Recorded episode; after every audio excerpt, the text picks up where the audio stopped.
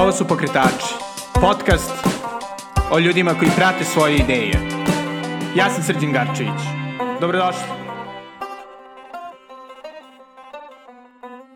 Ćao i dobrodošli u novu epizodu Pokretača. Pre nego što krenem sa novom epizodom, želim da se zahvalim mojim mecenama sa Patreona. To su trenutno Nadežda Dremićanin, Alex Debiževi, Anđa Savić, Felix van Licenburg, Drago Indjić, Ana Janošev i Rachel Klemo.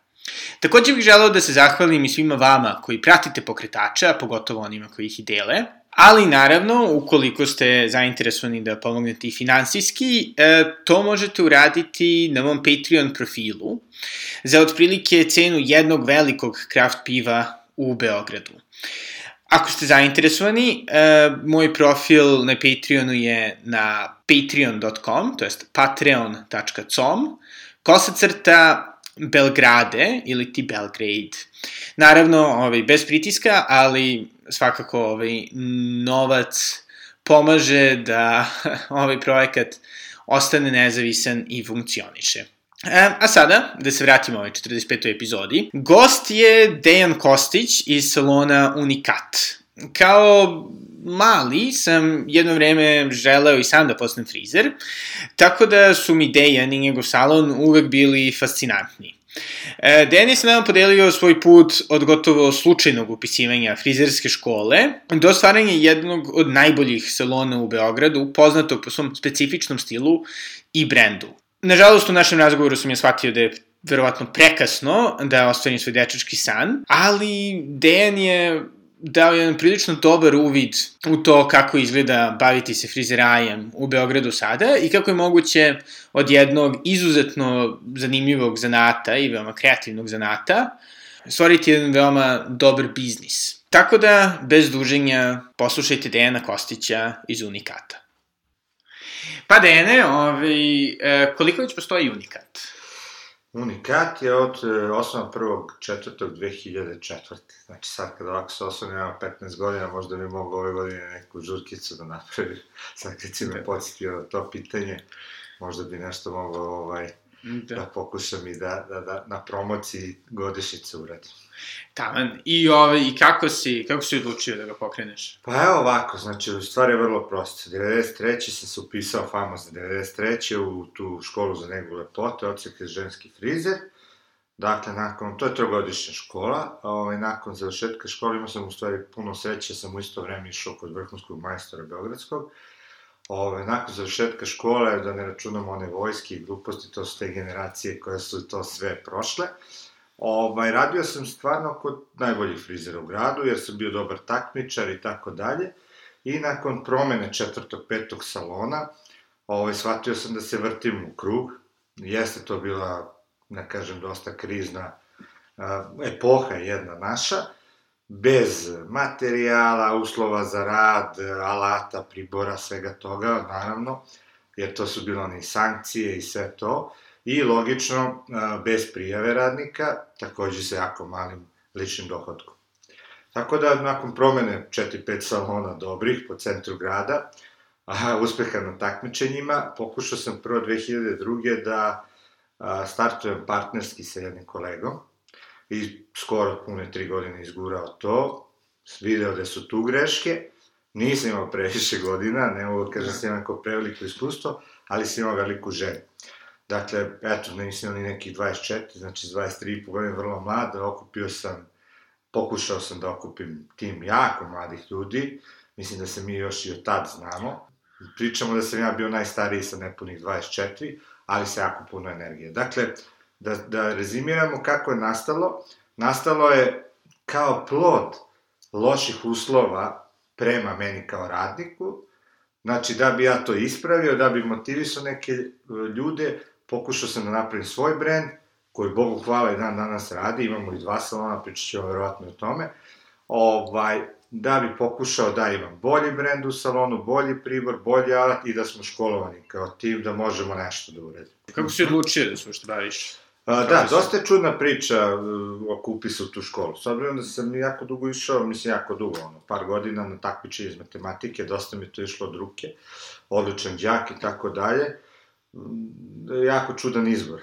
I dan danas se nekad zapitam da nemam neki uspeh iza sebe u poslu, verovatno bi mislio sam lud. Naime, bit ću skroz iskren. Stariji brat u tetke, ovaj, uglavnom su nam starija braća nekako uzor, zar ne? On je stariji 7-8 godina od mene. Dakle, on je provodio dosta vremena u toj školi, jureći devojčici, kako to sada kažem. I pošto sam živao nekih 300 metara ispod škole, često je svraćao i do nas.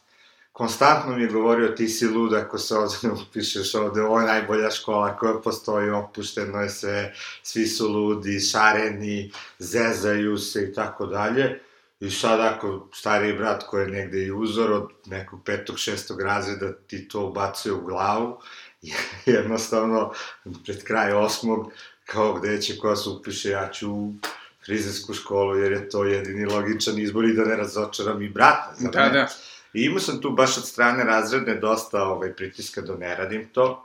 Ovaj, međutim, nekako možda malo tad i pubertet i sve to, škola blizu, ma super, ja sam vidio kraj nekih da. o, velikih mučenja školskih, da kažem, i upisao sam u školu potpuno na jedan glup način.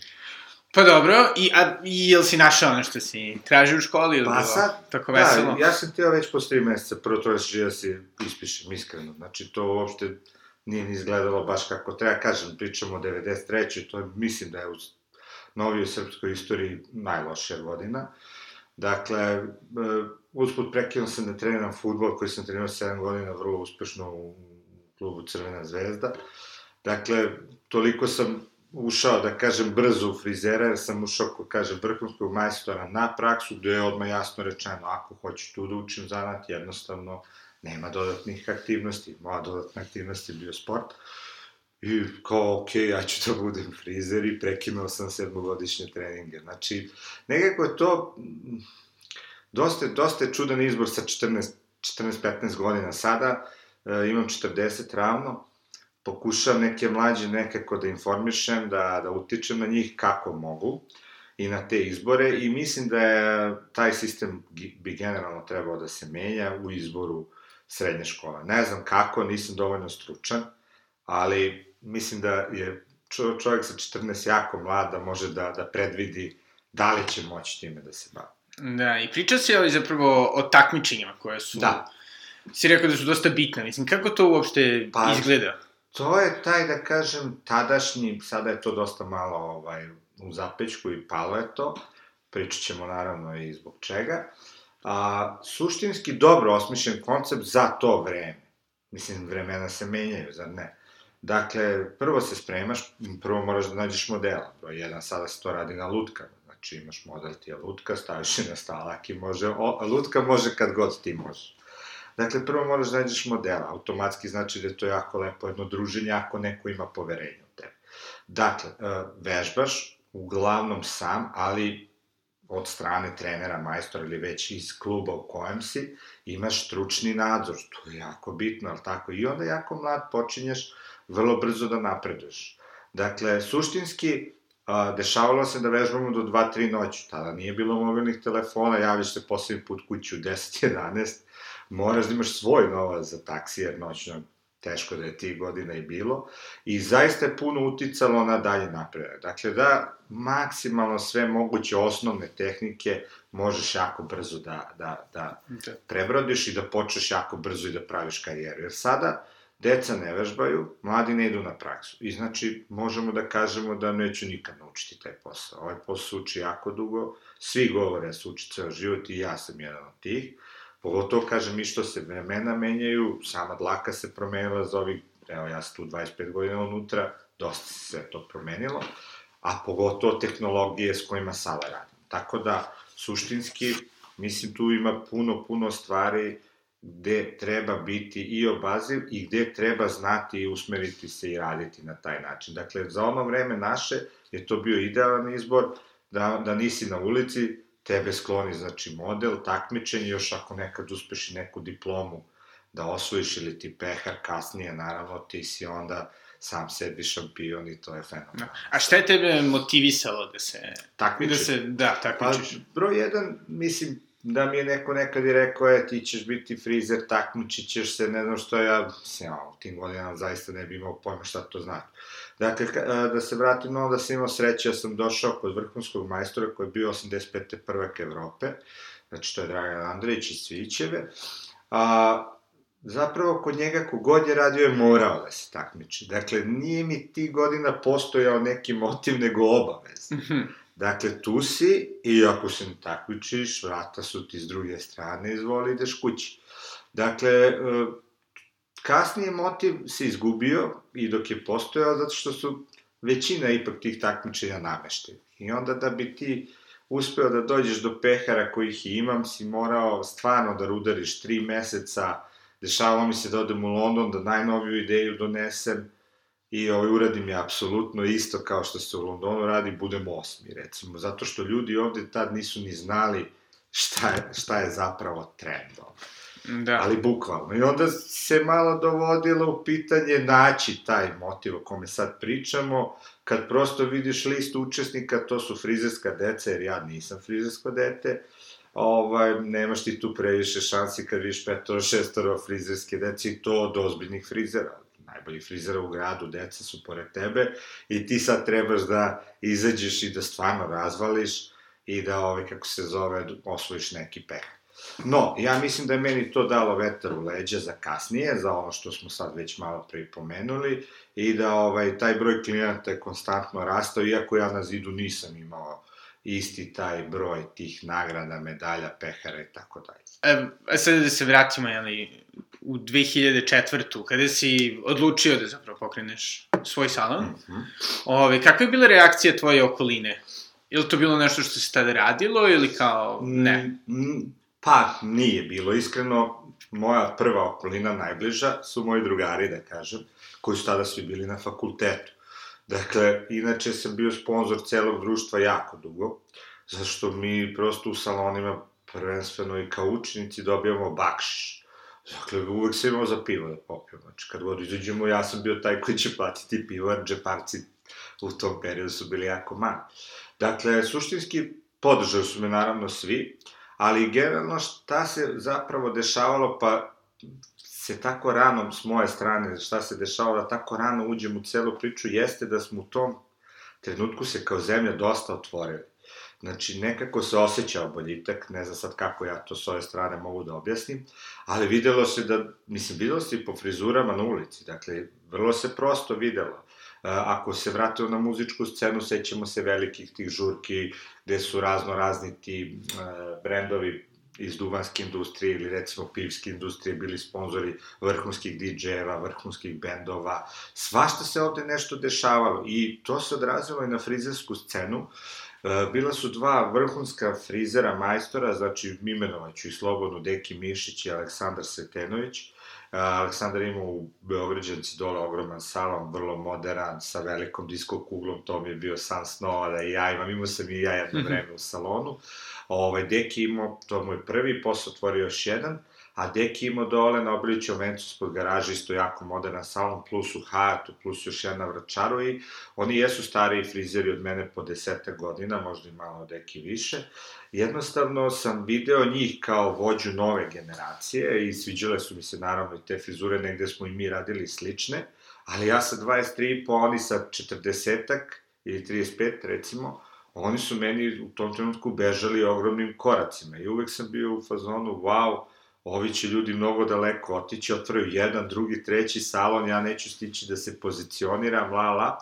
I nekako sam mnogo ubrzavao sve te odluke i pravio puno i akcija i humanitarnih i nekih revija, kaže, pričat ćemo o stvaranju svega toga i puno radio na napravljanju nekog brenda, samo iz svesnog razloga gde jednostavno nemam vremena za gubljenje i moram i ja mnogo da radim, dakle da bi njih e, stigao.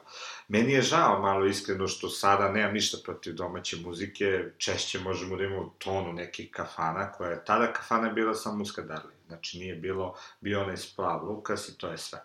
Znači tada nije bilo kafane, žene su pre svega, naravno i muškarci su pratili to, ali mnogo manje, jer nisu toliko bili zainteresovani za modu, ali žene su bile mnogo, mnogo modernije, znači i otvorenije. Dakle, mi sada 15 godina kasnije negde imamo dosta zatvoreniju sliku Beograda ja to povezujem najviše sa, sa, sa, sa muzičkim svetom, jer mi je nekako najlakše da napravim paralel.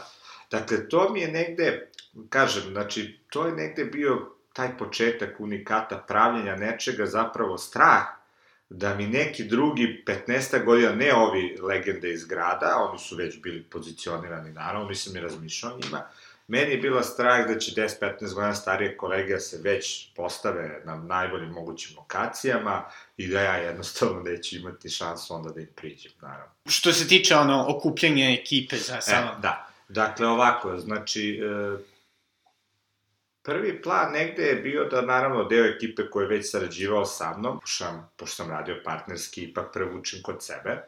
A, mogu da kažem, to s uspehom i uradio, mislim, pozvao sam ih na jedan sastanak, rekao im koja je moja dalja ideja, uslove ponudio, neke od njih promovisao koji su bili asistenti u junior, senior stiliste, kako bi to tim frizerskim rečnikom nazvali, i za početak sa Marka Markova, koji mi je dan danas jako dobar prijatelj, ovaj, pozvao onako draftovo, kako bi mi to sad rekli, jer je on tri godine mlađe od mene. Dakle, ja sam imao 23, on imao 20.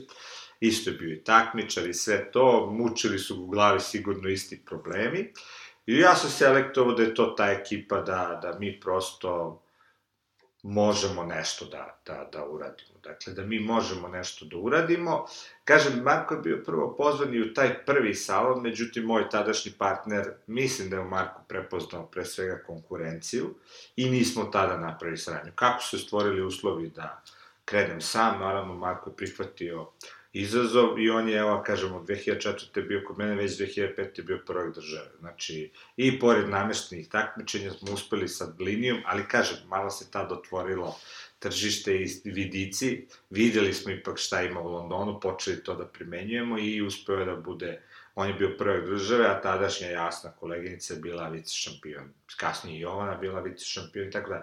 Dakle, mi smo na početku puno radili na zajedništvu, I, kažem, izbor je bio samo na mladim ljudima. Znači, jednostavno, naravno, kao i u svakom salonu, uvek se javljaju neki kolege koji bi tu da rade, ali to je ta neka bila granica da ću ja biti najstariji. Eto, tako da, nekako, ekipa mi je došla iz prethodnog salona i pojačali smo se s Markom taj, kažem, početak. Kasnije, naravno, mislim, sada oko 200 ljudi ukupno do sada prošlo pored mene, tako da možemo i o tome, naravno, da, da. da pričamo kako to ide. Da. I kako je izgledala iz, izgradnja brenda? Pošto ste vi prilično pa, specifični sa jest, stilom i sa vibe-om. Dakle, e, suštinski, na, naravno, prvo, smo, prvo sam zamolio, pošto nisam ja nešto ne, imao nekog novca tada, e, gde sam bio, recimo, osuđen od strane prijatelja, Imao sam nekog uh, Juga 65, onako sportskog, jedan druga moja vozio trke, pa i meni sređivao ta kola. Mm -hmm. ovaj, koji nam je bio ikona onako. Dakle, taj Jugo je prodat u to vreme za nekih 3000 nekih para, da bi se kupio brand ozbiljan, znači Vela System Professional, da bi se stavio u salon. A, to je premium od Vela. Dakle, Vela je po sebi premium, a ovo je njihov premium brand. Znači, meni je vrlo jasno u startu bilo da ja želim da budem premium. Dakle, nisam ošte hteo da budem neka komercijala ili neka srednja niža kategorija. S tim što orijentacija tog, da kažem, našeg brenda je da budemo premium, ali više ka alternativnom stilu rada. Dakle, da ne budemo premium u uh, skraćivanju krajeva, da se dobro razumemo. Dakle, uh, apsolutno su svi frizeri radili sve poslove, dakle, nije, da kažem, zapadni stil, jedan je kolorista, drugi je stilista, treći je men's cutter ili već šta god. Dakle, svi smo radili sve i svi smo se puno školom. Dakle, to je suština. O, druga stvar, zabolio sam svoje prijatelje, to je, znači, Piki, vrhunski fotograf za mene i najbolji u Beogradu, pa je Fačić Homini Studio, takođe, mislim, vrhunski dizajner, oni su mi napravili vrlo zanimljiv znak, na koji sam i dan danas ponosan. Uh, ovaj, kojih sada recimo imamo po gradu mo, ime mog salona na 6-7 lokacija, negde imamo skoro sličan i znak, iako sam zaštitio u zavodu za zaštitu spomenika, ali tu ne mogu ništa da uradim, no, ne opterećujem se, to doživljam čak suprotno, doživljam da vredi, ono što radim, čim ljudi kopiraju ime i znak, znači da to nešto vredi.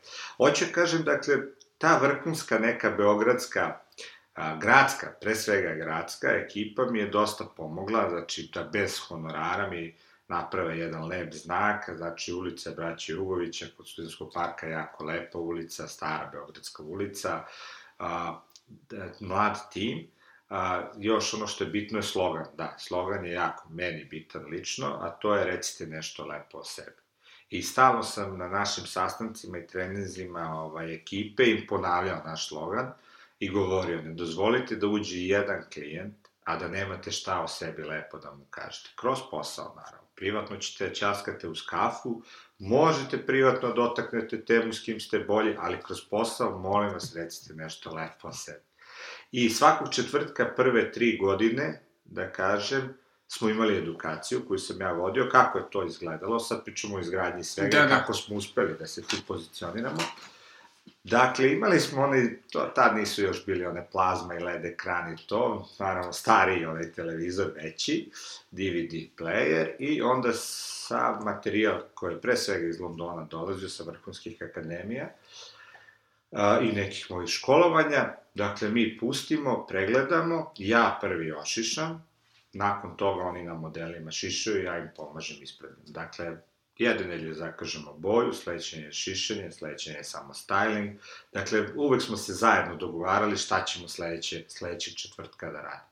Ali to je najlepši period, da kažem, u karijeri koji ja pamtim. Evo, mislim, ne znam šta će se u budući dešavati, ali to mi je zaista, ta energija, ti mladi ljudi, u 90% slučajeva se završavalo između 1 i 2 edukacija i odlazili smo u nama omiljeni tadašnji mamolo kafe u Rooseveltovoj, gde su nam prijatelji držali, popijemo piće, dva, kako ko, neko naravno i duže, ne, ne. ali sutradan smo svi na poslu bili puno onako, da kažem, motivisani, sa više energije i vrlo je brzo išlo sve to. Vrlo brzo. I kao nastavak toga je bila ta, pa, da kažem, naša godišnja revija. Mislim, imali smo ih dosta, imali smo ih do sad 14, ali ta godišnja je bila vrlo upečatljiva, ona je isto imala svoj slogan, znači moderno je biti kulturan, kulturno je biti modern. Uh, pravili smo ih samo na mestima vezani za kulturu, a to su recimo Galerija Fresaka, Etnografski muzej, Ruski dom, uh, dole Jevrejska Rex, kulturni centar i tako dalje, da ne zaboravim sad neku lokaciju. Uh, pozivali smo isključivo 90, mislim isključio 90-95% klijenata, dakle uvek su ulaznice bile već 1. septembra pripremljene, datum je uvek bio isti 9. oktobar, i to je postojao razlog, dakle, sredinom oktobra mi idemo za London na taj godišnji skup, ja sam pokušao da kažem da i pre tog Londona znamo šta će oni da urade, jer se godinu dana prati, a ne samo tih nelju dana. I onda smo mi kao premijeru Londona uvek radili tu reviju i meni je zapravo London bivao kao odmor Dakle, odlazim da uživam s nekim kolegama, pre svega iz regiona, a naravno i nekim svetskim frizerima koju poznaješ kako godinama ideš, naravno poznaješ i te ljudi. Tako da to mi je jedna od ako upečatljivih stvari, da kažem, po meni koji su bitni za stvaranje brenda. Znači, puno energije, ali i puno ulaganja. I ovaj, i kažem, sa svih tih strana, svi ti ljudi koji su bili tu, niko nikad nije propustio tu edukaciju, niko nikad nije a, bilo ni jedne revije da nije uradio recimo bar dva, tri, dva, tri modela. Zaista to jeste gradnja nečega što kažem, evo, 15 godina traje dva salona koja rade i imaju posla u jednom trenutku. Mislim, kako ste uspeli da održite tu ekipu? Za ekipu je, je dosta prosto. Znači, u Srbiji e, moraš da daš dve stvari. Znači, moraš da daš dobru platu, tu, tu ne. Da. To ako želiš dobrog frizera, mislim, ne mislim samo i frizera, ja mislim i, na dru, i u drugim sferama da isto. Ako želiš dobrog radnika, dobrog frizera, dobrog, da kažem, čoveka, eto, ajde tako da se, da se izrazim, možeš da mu platiš to. Znači, vrlo prosto. I možeš da mu daš edukaciju. Znači, bez edukacije on će stagnirati, sam neće sigurno ništa hteti da uradi. To je 100% tačno. Uh, A, moji su, mogu svi to da potvrde, od moje strane finansirani odlaskom i u Pariz, i u London, Bolonje, naravno, svi domaći seminari ovde, u regionu i tako dalje. Ako pričamo o ulaganju u ekipu do sada, to sigurno premašuje već, već sada 50.000 eura, bez onoga što sam ja radio. Ako pričamo o ulaganju naše zajedničke revije, to isto premašuje tu cifru. Da. Ako pričamo o ulaganju u moje školovanje, i, i ta cifra je premašuje. Znači, mi pričamo sada o verovatno 150.000 eura, znači kojih ja nemam na računu, ali ih imam u ljudima, u svom obrazovanju i u ponosan sam što mi mnogi ljudi rade po 15 godina u salonu. Da. Znači imam ih. Imam ih i kažem, Jovanu računam Sašku i pre ovog salona, jer smo i pre toga sarađivali. I negde to iskreno doživljam kao lični uspeh, da će sutra izaći iz salona, imaće 15 godina staža, dosta znanja, opet dobru preporuku za dalje. Marko je krenuo svojim putem, uvijek ima podršku i dan danas ima podršku, popijemo pivo, vidimo se, potpuno bez neke suete, bez neke negativne, zle krvi, da, kako to već kaže. Tako da, suštinski, ako čovek ima ambiciju, želju, ideju, ja moram da priznam da je na mene London puno uticao, znači da mi dao baš onako puno energije, jer to je jedan od tih gradova koje ljudi ili privlači da bi odmah ostali ili ne dođu više nikad. Pre svega taj Brixton, taj Camden Town ili već šta god ko voli. Ovaj, I onda se pronalazi malo nekim stvarima, ja stvarno koristim priliku kad god mogu da odem, gotovo da ne postoji godina kad nisam išao bar dva puta tamo. Naravno da imam sad veći prijatelje, naravno da sad imam veći engleze prijatelje. Dva puta sam prošao na probi za posao tamo u ozbiljnim brendovima, međutim, finansijski to baš ne izgleda tako, kao što mi ovde mislimo. Dakle, u oba slučaja se dešavalo da već bolje zarađujemo ovde nego što bi tamo. E sad, mi možemo da raspravljamo i da razmišljamo šta bi bilo da sam se otisnuo, pa nakon 10 godina s nekim idejama ili ne znam šta. Ali to je veliki grad i ako nemaš dovoljno novca, on je spreman da pojede čoveka. Tako da, ipak sam se odlučio da, da gradim svoje ovde. Da, kažeš da sam malkice osetio i na svojoj koži. ja da, e, pa eto, onda, dobio sam da, sada i potvrdu to. Da, ali, ovaj, ali mislio sam ono, koliko su vam lojalne mušterije, pošto mi deluju da su o, i da. prilično... O, da, to je posebna tema, jer išao sam dosta i, kažem, i u Londonu i kod nas na nekih marketing, marketing management seminara, gde jedno od istraživanja kaže da se klijentela menja svakih 5 godina. Znači, naš primjer nije taj.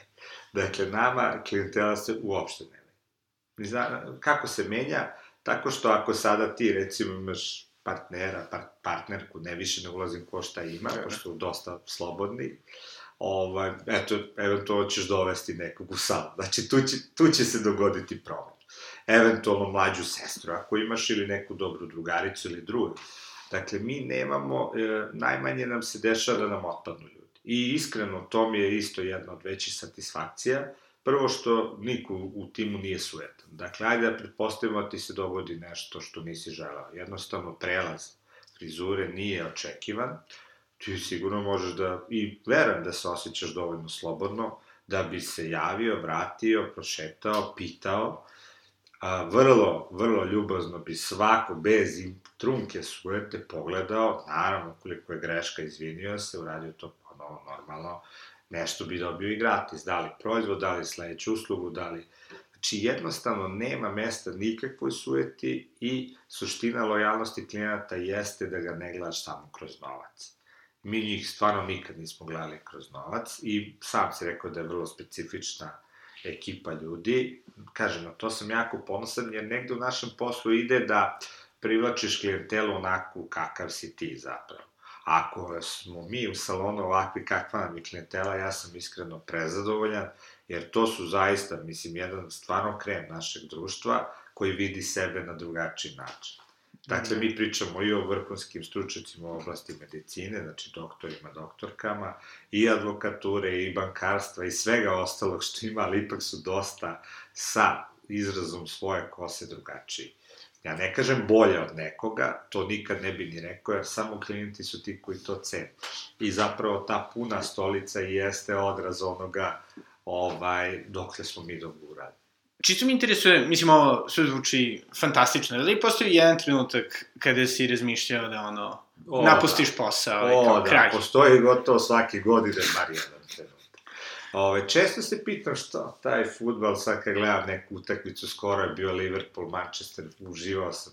Kao šta bi bilo da sam možda s ovom strašću energijom možda nastavio trenam futbal. Jedno vreme sam bio i kapiten te neke ekipe. Možda bi nešto i uradio, ko to zna.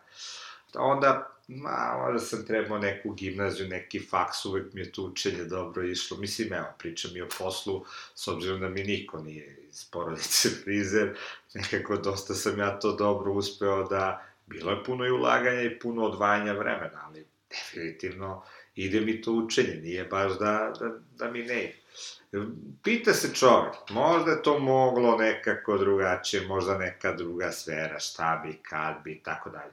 E, to je jedna stvar, druga stvar su stale neke ponude, to je sad e, onako uvek mač zve oštice, šta radite? Evo sad imam baš vrlo, vrlo ozbiljnu ponudu, idem u Boston, u Ameriku, uh, bio sam prošle godine, radio sam dva seminara isto vrlo uspešno i naravno čovjek se uvek pita šta raditi. Da li ići baviti se više malo edukacijom, menadžerisanjem, po nekog ošišati i srediti svoje životne finansije ili prosto rudariti i dalje ovaj neki Ovo je sad već jedan lep početak, ja to tako gledam. Ja se uvek smatram na početku. Nikako ne mogu da doživim, sad moram ove godine ovo i nekako onda ga rudarim. Ali hoću da kažem, ovaj, suštinski, apsolutno mislim da ne postoji čovek koji se ne zapita šta će meni ovo životu. Mislim, šta, Najviše nas u ekipi bilo 15-16, uglavnom se vrtimo oko 12, dešava se da u toku dana svih 12 pozove ljudi ili te odvoji sa strane jer mu nešto treba. Neko nema da plati kiriju za stan jer se preračunao, ne zašto nije dobio platu ili zato što nije zaradio, nego jednostavno je kupio nove čizmice ili da. tako nešto. Drugi ima ovog tipa problem, treći emotivni problem, četvrti i tako dalje. I onda, naravno, čovjek malo, niko nas nije školovo za tu poziciju. Mene su školovali u školi za negu lepote, eventualno minimalno za ženskog frizera. Niko me nije objasnio da će ja biti vlasnik jednog, dva, tri salona, da ću morati da brinem o ljudskim odnosima, nikakav HR, nikakvi management i market, niko meni tu ništa nije objašnjavao u životu, niti mi je rekao da ću se time baviti. Dakle, ovo je jedna pozicija koja zapravo obuhvata niz nekih, ovo su dva, tri fakulteta u jednom životnom da. fakultetu, koja obuhvata niz e, problema, moraš da si i motivatori, edukatori, prijatelji, roditelji, mlađi brat, sve zajedno. Jedino nisam dečko, to sam morao uvijek da presečem, jer to mislim da nema nekog ne, smisla, da. smisla neke perspektive, da. Ali ja kažem, definitivno najđe trenutak, svako ima svoj loš dan, i on kaže, ja, ovo meni ne treba. Mislim, mi se šalimo u timu, baš jedan od tih trenutaka je bilo, pretio se da ćemo da otvorimo pizza parč. Isto baš unikat pizza parče, lepo da istavimo one šiltove gore na glavu, prodajemo po mesimo, ono, namažemo malo kečapa i eko, sigurno bi svi bolje prošli, zato što su tri škole u blizini i šta nam fali, lokal je tu, pizza parče, okej, okay. tako da, to je jedan od tih dana. Uh, uvek se to dešava, dakle, gotovo uvek to se dešava, se čovjek pita da li je dovoljno dobar, ne u samom radu, naravno, to su klijenti koji potvrđuju, već da li je dovoljno se dao, da li je dovoljno dobio. Prije nego što smo krenuli da snimamo, si pomenuo kako postoji e, velika razlika između samog frizeraja i samog, da kažem, preduzetničkog dela. E, da. I u čemu više uživaš? Pa, definitivno frizeraj. Mislim, je, kako ja kažem, mislim, vrlo jedna kreativna stvar. Naravno, koliko si i sam kreativan, ako nisi kreativan, možda bude i onak opterećujući. A, preduzetništvo je prvo po meni dosta neuređeno. Kažem, malo možda više pratim, dosta sam u Hrvatskoj i Sloveniji, oni su se ljudi izborili i za licence, i za kategorizacije, za svašta nešto. Mi pokušavamo sada da preuzmemo od njih pošto idemo ka Evropi, zar ne? Nisu ni oni baš žurili s tim dok e, nisu morali, nisu ni oni to imali. Fali mnogo stvari ovde, znači sad pričamo o preduzetništvu i o frizeraju da bi povezao teme. Preduzetništvo je u velikoj krizi, inače ne samo u frizeraju, nego u mnogim delatnostima. Mi mislimo da može da se sredi, treba nam podrška države, naravno. Ti kad se šetaš gradom vidiš sigurno na svakom ćošku uslugu za 2 evra. To je nenormalno, jer ako pretpostavimo da lični dohodak treba da bude 400 evra, to znači da taj mora da oša tonu ljudi.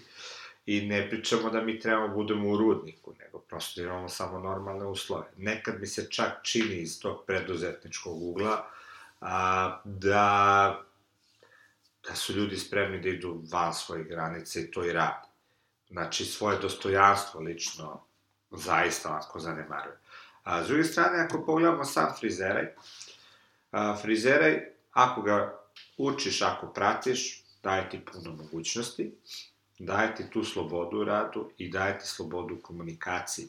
Znači, je jako bitne stvari.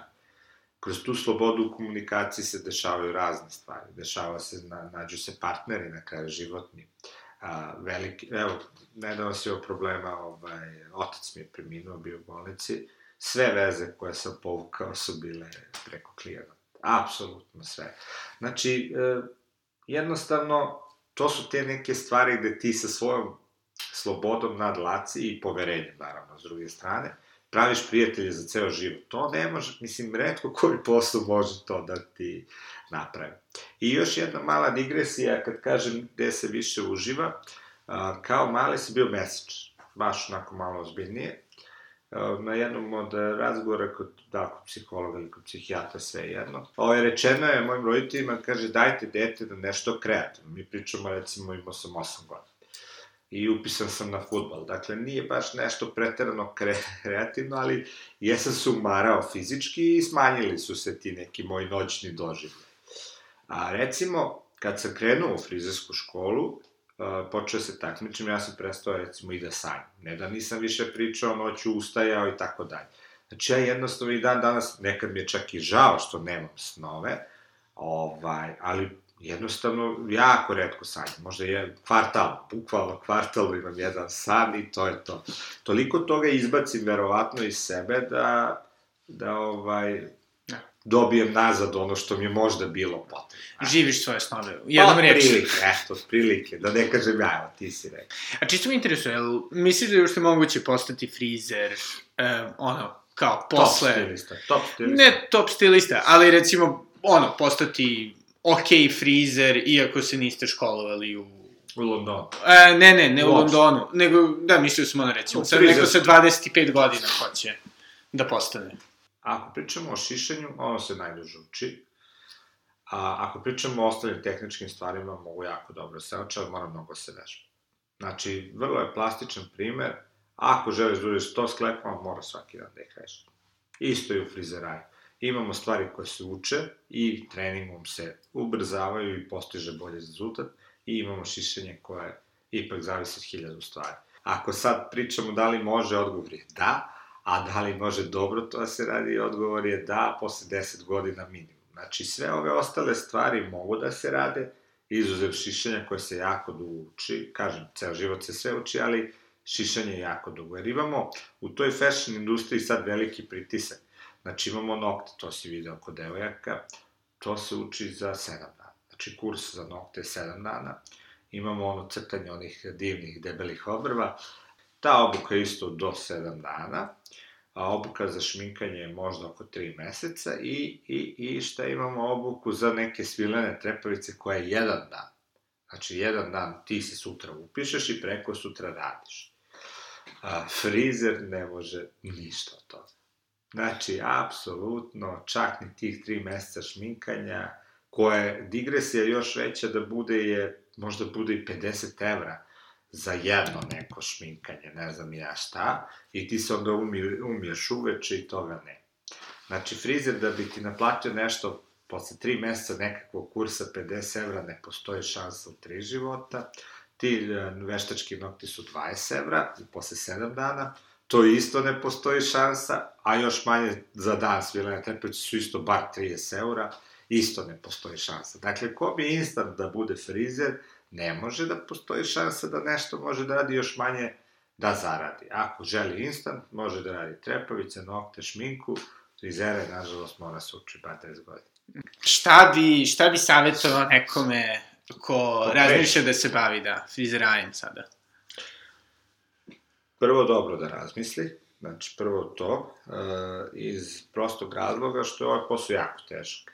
Fizički pričamo sad onako pošteno, pogotovo za devojčice, žene, uh, imamo jedan veliki problem, dakle tih 3, 4, 5 godina školovanja, znači to je negde od 18. do 20. već počinju da rade, dakle gube masu stvari koje njihova generacija ima, a to su pre svega ono kad si student naš ako si dao ispite koje si zamislio, ti imaš možda i dva meseca slobodno. Toga nema, to je broj jedan. Broj dva, počinješ sa godišnjim odmorima, znači to je, to je, to je, to te čeka posle do 60. I ovaj, broj tri, uh, uh, a i možda i najbitnije, jeste to da uh, sam uticaj kasnije, znači pričamo neko rađanje, stvaranje porodice, može definitivno da ti uništi karijeru. Isto ću dati jedan primer da bi se znalo, dakle, to mi je radnica iz drugog salona, nažalost, on nosila žena četvorke, morala je na intervenciju, rodila je dvojke, sve to bilo super, ali definitivno za tih dve godine svega toga, znači trudnoće i onog početka svega, ona je, imala je svoj salon, prešla posle kod mene, jer smo i prijatelji i tako dalje, ali ona ostala bez 90% klijenata. Dakle, vrlo težak posao na nogama, jako se rano kreće i, kažem, jednostavno ima dosta rizika. Za muške je to naravno malo drugačije, pre svega više nema te vojske i nema, nema da kažem, rađe. E sad, šta je lepo, da ne bude uvijek da je sve nešto ili prelepo ili preružno, Prvo, opet se vraćamo na to trogodišnje školstvo, znači dajete mogućnost ako si malo talentovani, nađeš bolji salon, već možeš solidno da zarađuješ dok uh, ova generacija ide na fakultet i mora da opterećuje roditelje s velikim budžetima da bi završili. Sam sebi možeš da finansiraš i letovanja i zimovanja, iako su kraća od ostalih, naravno, garderobu, putovanja, sve to. To je jedna od boljih stvari. Druga stvar je, ukoliko čovjek samo svestan Znači, to je ta edukacija. Uvek praviti budžet ili u saradnji sa vlasnikom, menadžerom, kogod je u tom sistemu, razgovarati, praviti budžet, e, taj budžet onda dovodi do putovanja. Znači, definitivno se ne bojim ovim, ne, ne verujem da bi, ne verujem baš da, možda bi šao za Ameriku ovako turistički dekad, čisto da vidiš šta je to, ali sva ova mesta koja sam posetio, definitivno ne bih posetio. Dakle, to je jedan od lepših delova.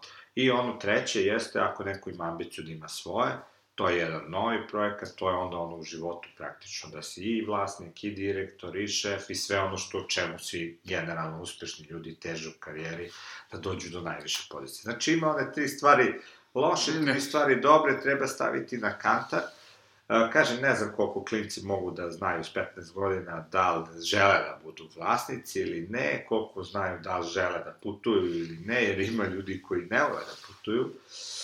Tako da, suštinski, podržavam odluku uvek ako je donešena onako ipak s nekim razmišljanjem. Ako je urađena, e, ajde da se upišem pa ću da vidim, od toga iskreno mislim da redko kada ima nešto ako mogu još taj kratak primer, ovaj, ali vrlo je da, da. istiniti, da kažem, poučan.